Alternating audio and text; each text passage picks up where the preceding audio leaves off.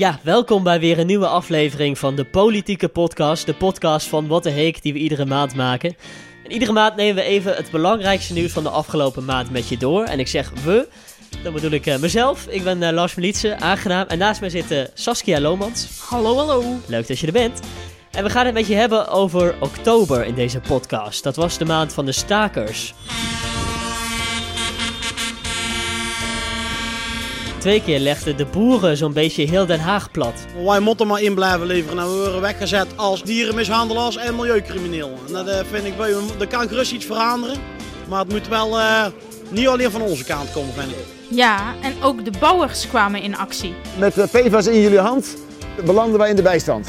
En het was de maand waarin twee bekende oud-politici overleden. En daar gaan we het zo meteen uitgebreid over hebben. Ik heb het al een beetje uitgelegd, die politieke podcast. We leggen eigenlijk een beetje uit wat je in de afgelopen maand gemist hebt.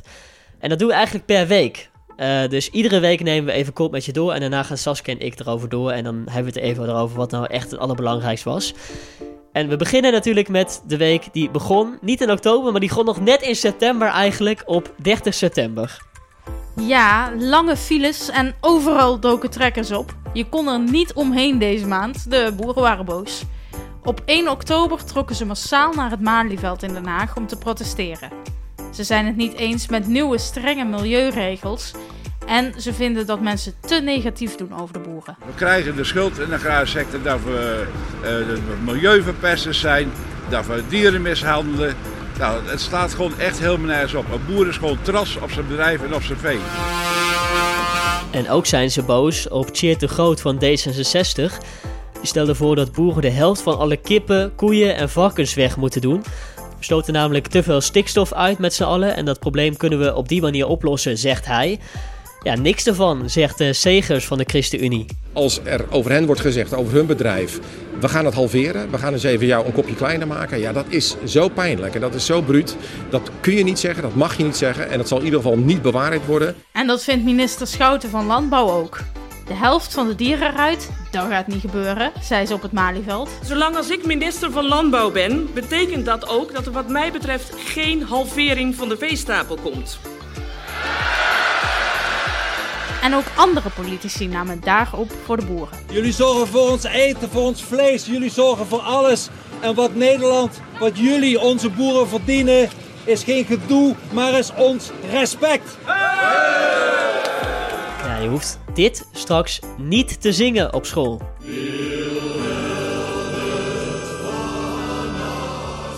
Het Wilhelmus dus. CDA wilde dat graag, maar een commissie van leraren en directeuren vindt dat idee maar niks. Andere dingen vinden ze belangrijker op school. En oud-voorzitter van de VVD Henry Keizer is onverwachts overleden. Drie jaar lang was hij praktisch de baas van de partij. En twee jaar geleden moest hij weg. Hij had als zakenman een niet zo nette deal gesloten.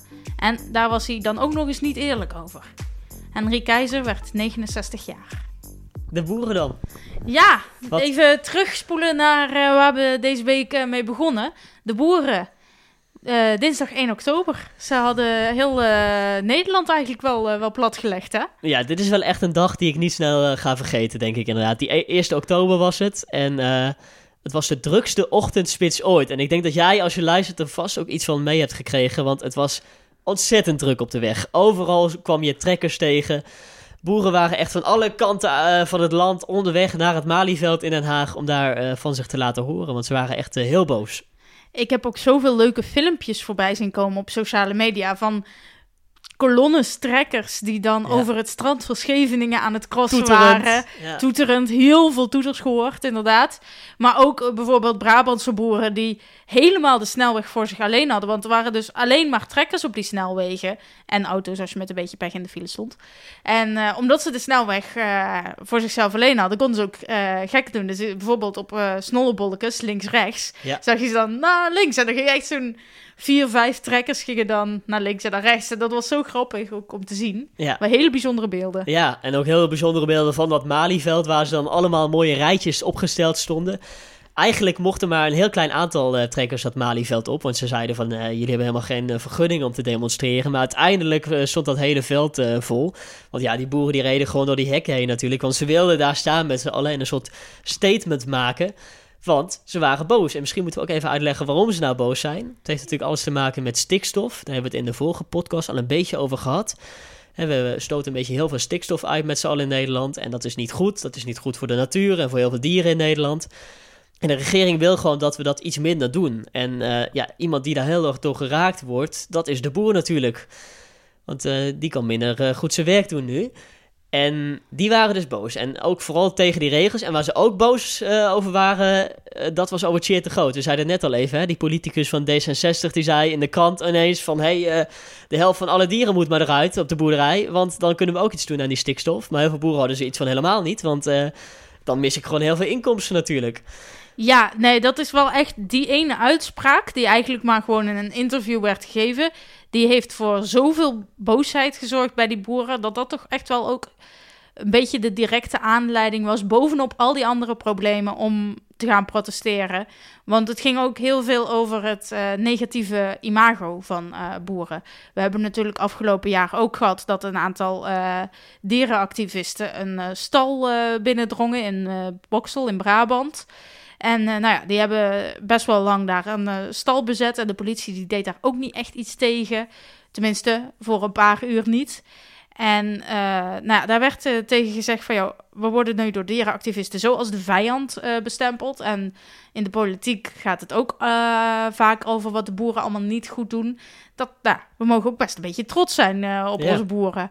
Dus daar, daar eh, waren ze ook wel, eh, wel boos over. En dat hoor je ook in, eh, in de woorden van Segers terug, de leider van de ChristenUnie.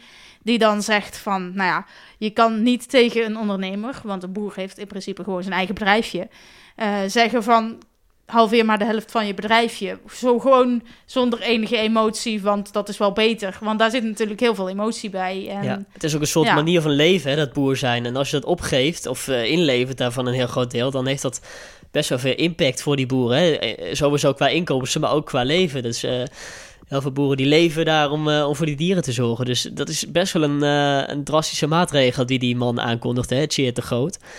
Maar goed, ze hebben goed van zich laten horen en heel Nederland weet ineens weer waar de boeren voor staan. Dus wat dat betreft hebben ze wel eh, een zin gekregen, een beetje. Ja, en op sociale media hebben ineens heel veel mensen een trekkertje achter hun naam. Ja. Dat vind ik ook wel gezellig.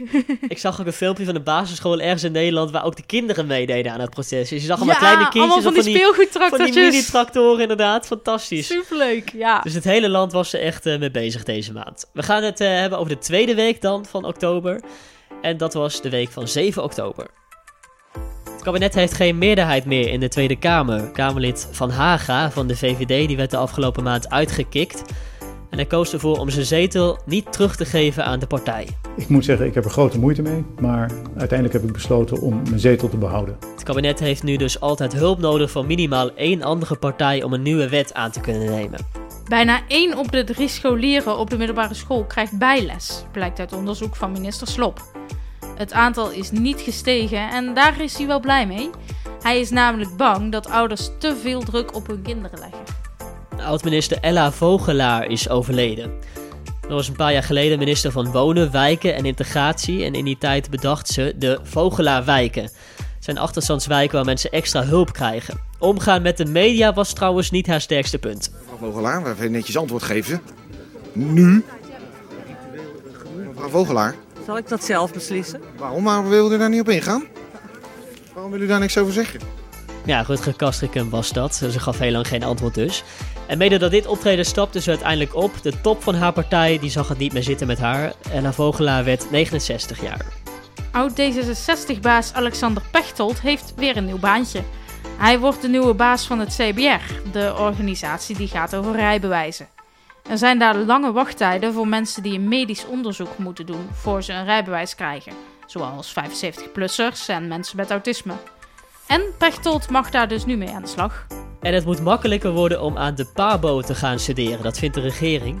De toelatingseisen voor de opleiding tot juf of meester die worden makkelijker. Scholieren die op de middelbare school geen aardrijkskunde, geschiedenis, natuur of techniek in hun vakkenpakket hebben, die moeten nu nog een toets doen om te kijken of ze mogen beginnen aan die opleiding. En op dit moment is er een groot lerarentekort en de regerende partijen hopen dat ze dat op dit manier een beetje kunnen oplossen. Dat, uh, dat lerarentekort, dat is wel een, uh, een dingetje. Al best wel lang ook, hè? Ja, het houdt ons echt al een, tijdje bezig inderdaad. Hè. Er zijn te weinig docenten die voor de klas willen staan. Dat merk je in Nederland. Er zijn veel scholen die hebben echt problemen met uh, wie zetten we nou voor de klas. En die zetten ook soms zelfs ouders voor de klas. Om maar te zorgen dat die kinderen daar begeleid worden eigenlijk.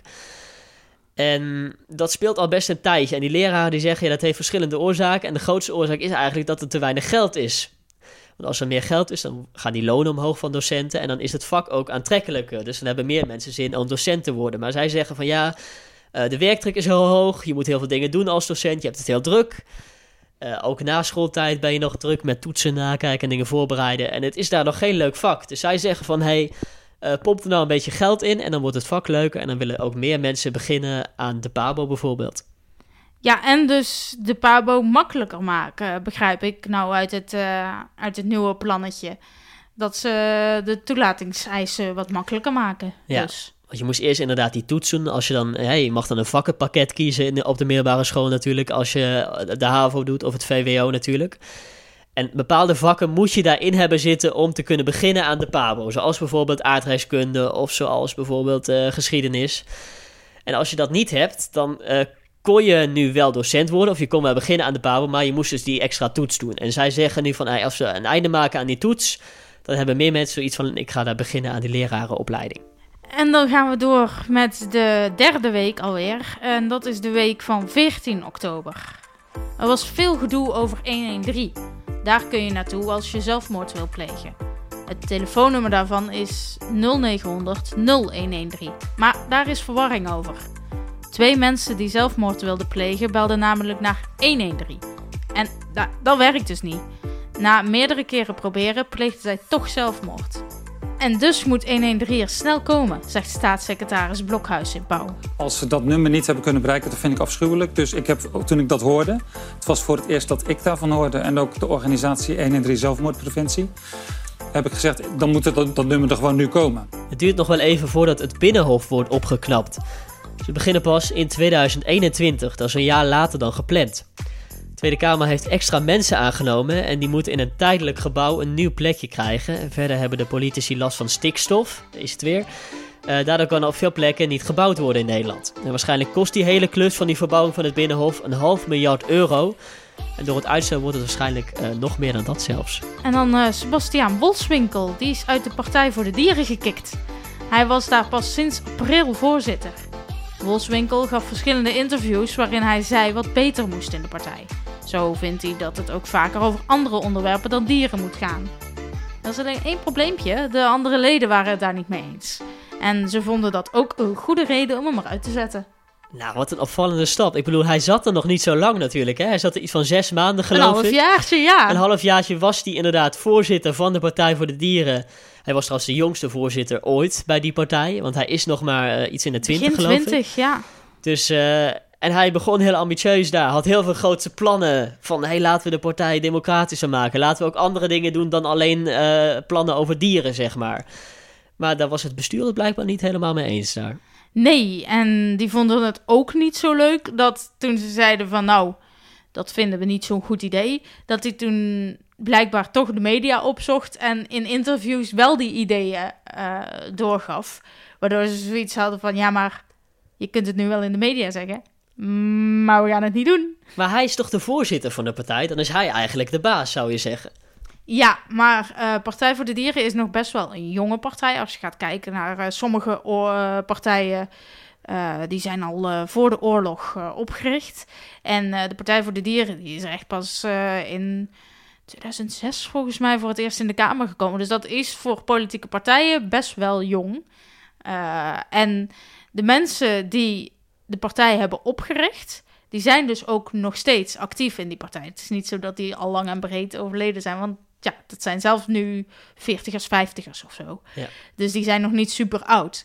Dus dat betekent dat de mensen die de partij hebben opgericht zich nog heel erg bemoeien met wat er met de Partij voor de Dieren moet gebeuren. En als jij daar dan als nieuw jong broekie bij komt en uh, zegt: Zo jongens, we gaan het dus helemaal anders doen.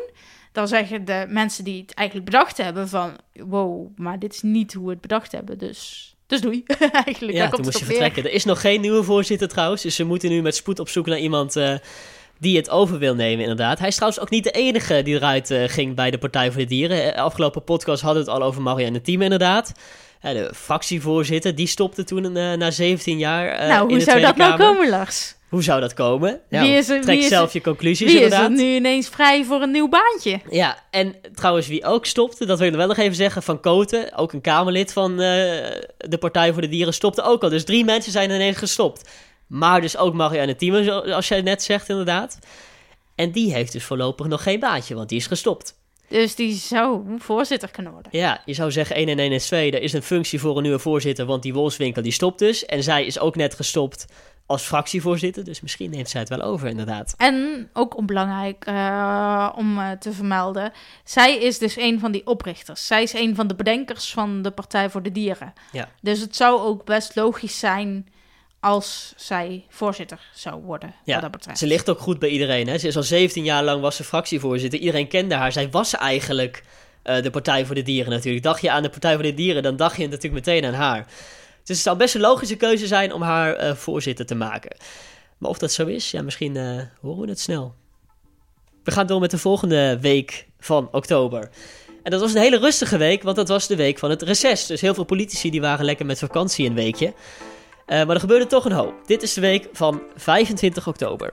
Wilde jij vroeger ook altijd al, komt ie, raakvlakmanager strategische beheerorganisatie digitaal stelsel omgevingswet worden? Wat? Ja, precies dat.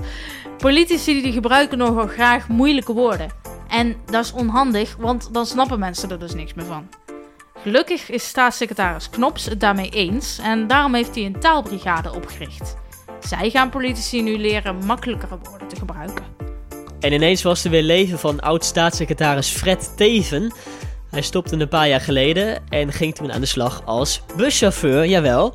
Ja, nu speelt hij in een YouTube-film, ook als buschauffeur. En Fred, eh, wat vind je daar nou zelf van? Tam toelit. Ja, en Fredje liet horen dat hij ook nog wel meer jongerentaal kent trouwens. Yo, yo, yo. Het is je niffo Fred Tiffo. Scoot, scoot. Word lid. Scoot, scoot. Ivo Opstelten geeft toe dat hij fouten heeft gemaakt toen hij nog de baas was van het ministerie van Veiligheid en Justitie.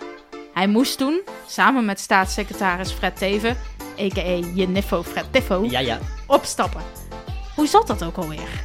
Teven had een deeltje gesloten met een drugscrimineel. Dat ging om veel geld. En de Kamer die wilde weten hoeveel. Maar Opstelten en Teven zeiden, dat weten we niet. Maar uiteindelijk bleek die informatie er wel te zijn. Deze informatie had, naar nu blijkt, ook al eerder ontsloten kunnen worden. En dus moest Opstelten opstappen. Zijn vrouw zag het al wel een beetje aankomen. Toen Opstelten thuis kwam na een moeilijk debat, zei ze... Nou, Stelten, dat was wel ongeveer het domste wat je zeggen kon. Ja, het was ook niet zo handig natuurlijk achteraf gezien. Dat geeft hij zelf nu ook toe inderdaad. Hè. Er was een heel groot eh, debat inderdaad. Het, het hield ons wekenlang bezig inderdaad, het bonnetje. Iedereen had het over het bonnetje. En als je dan niet snapt, nou, er was dus een dier gesloten, zoals Saskia net zei, met een drugscrimineel. Het kostte heel veel guldens in die tijd. Eh, en de Kamer die wilde weten, ja, hoeveel nou? Want eh, dat is eigenlijk wel belangrijk om te weten. Nou, Ivo Opstelten was verantwoordelijk, want hij was de minister die daarover ging, inderdaad. En die zei in een debat van ja, ik weet het niet, maar hij gokte ook een of ander bedrag. Hij wist het niet eens zeker, maar hij zei maar wat. Ja, en de Kamer die was er niet zo blij mee, want uiteindelijk kwam er een journalist van Nieuwsuur, die kwam er wel achter wat dat bedrag was. Die vond letterlijk het bonnetje. Die vond het bonnetje waar dat op stond inderdaad. Nou, bracht het naar buiten, het stond in alle media. En ja, en toen kon Opstelten natuurlijk niet anders dan opstappen, want hij heeft al die tijd volgehouden. Ja, we hebben die informatie niet, het ligt hier nergens in het gebouw. Op mijn ministerie is het niet bekend. Maar ja, eigenlijk was het wel bekend dus. En dan heeft hij gelogen en dan ben je wel een beetje vertrouwen kwijt natuurlijk eh, in de Kamer. Ja, ja. En eh Teven moest dus ook eh, weg. Dat is dus de reden dat hij nu buschauffeur en je niffo Fred Tiffo is geworden. Yep. Ja, Teven is een beetje het hulpje geweest hè, van Opstelten. Hij was Ja. staatssecretaris, dus dan help je een beetje de minister eigenlijk. Ja, en hij was natuurlijk ook het leidend voorwerp in, in het bonnetje. Want dat bonnetje was een deal van hem met een, eh, met een crimineel. Dus hij is eigenlijk ook een beetje een bad boy eh, geweest met die... eh, nou ja, of, of je die deal goed vindt of niet, dat is weer een hele andere discussie. Maar hij heeft het in ieder geval goed verstopt. En dat is niet helemaal netjes. Fred Teven dus buschauffeur. Ik weet helemaal niet uh, wat Opstelten doet eigenlijk. Is hij met pensioen nou of uh, wat volgens doet hij eigenlijk? mij wel, want volgens mij was hij toen hij minister was al in de 70. Oh, ik ja. weet nog dat er een liedje gemaakt werd uh, destijds als Thierry's liedje en dat was Opa Ivo. En dat ging, toen was de hele bonnetjes affaire nog helemaal geen ding. Maar toen uh, was het al wel van, oh, hij is zo oud en hij vergeet wel eens dingetjes. Is, het niet, hij, is hij niet te oud, zeg maar, om minister te zijn? En uh, ik denk dat op het moment dat hij er toch weg moest, dat hij toen ook dacht, oké, dan ga ik wel met pensioen. We gaan het uh, hebben over de volgende week. de laatste week die we gaan bespreken in deze podcast is de week van 28 oktober. Verkeersminister van Nieuwenhuizen die had het moeilijk in de Tweede Kamer. Ze is namelijk verantwoordelijk voor de stint de elektrische boldercar voor kinderen die botste tegen een trein een jaar geleden. Vier kinderen kwamen daarbij om het leven en de remmen van de stint die bleken stuk. En het wagentje was zo onveilig dat hij eigenlijk nooit de weg op had gemogen. Ja, foutje van het ministerie dus. En toen Van Nieuwenhuizen in de Kamer uitleg gaf deze maand, zat de vader van twee van die overleden kinderen in de zaal. En ik bied daarom ook op deze plek graag in het openbaar excuses aan voor het tekortschieten van mijn ministerie. Laat ik nu verder niets op zeggen, maar ik ben blij dat u zo, zo reageert. Ja, die man bedankte uh, Van Nieuwenhuizen dus voor haar steun. Iets waar zij zo opgelucht van was dat ze toch een beetje begon te huilen. Na de boeren gingen deze maand ook de bouwvakkers massaal actie voeren op het Malieveld. Door strenge nieuwe regels kunnen veel van hen al sinds de zomervakantie niet meer werken. In juni zeiden onderzoekers dat er in de grond wel 6000 giftige stoffen zitten. Van 1500 kun je misschien kanker krijgen. Al deze stofjes samen heten PFAS. Staatssecretaris van Veldhoven besloot daarom dat er niet veel meer gegraven mag worden tot duidelijk is hoe schadelijk dat PFAS eigenlijk is. En net als de boeren moeten de bouwvakkers ook nog extra opletten dat ze niet te veel stikstof uitstoten. Omdat vuilwerk nu stil ligt, moet de politiek snel met een oplossing komen, vinden de bouwers. En om dat duidelijk te maken, zetten ze allemaal bouwvoertuigen neer op het Malieveld. Net als de trekkers eigenlijk. Minister Schouten van Landbouw, die was er ook weer. We werken hard aan een oplossing, zei ze.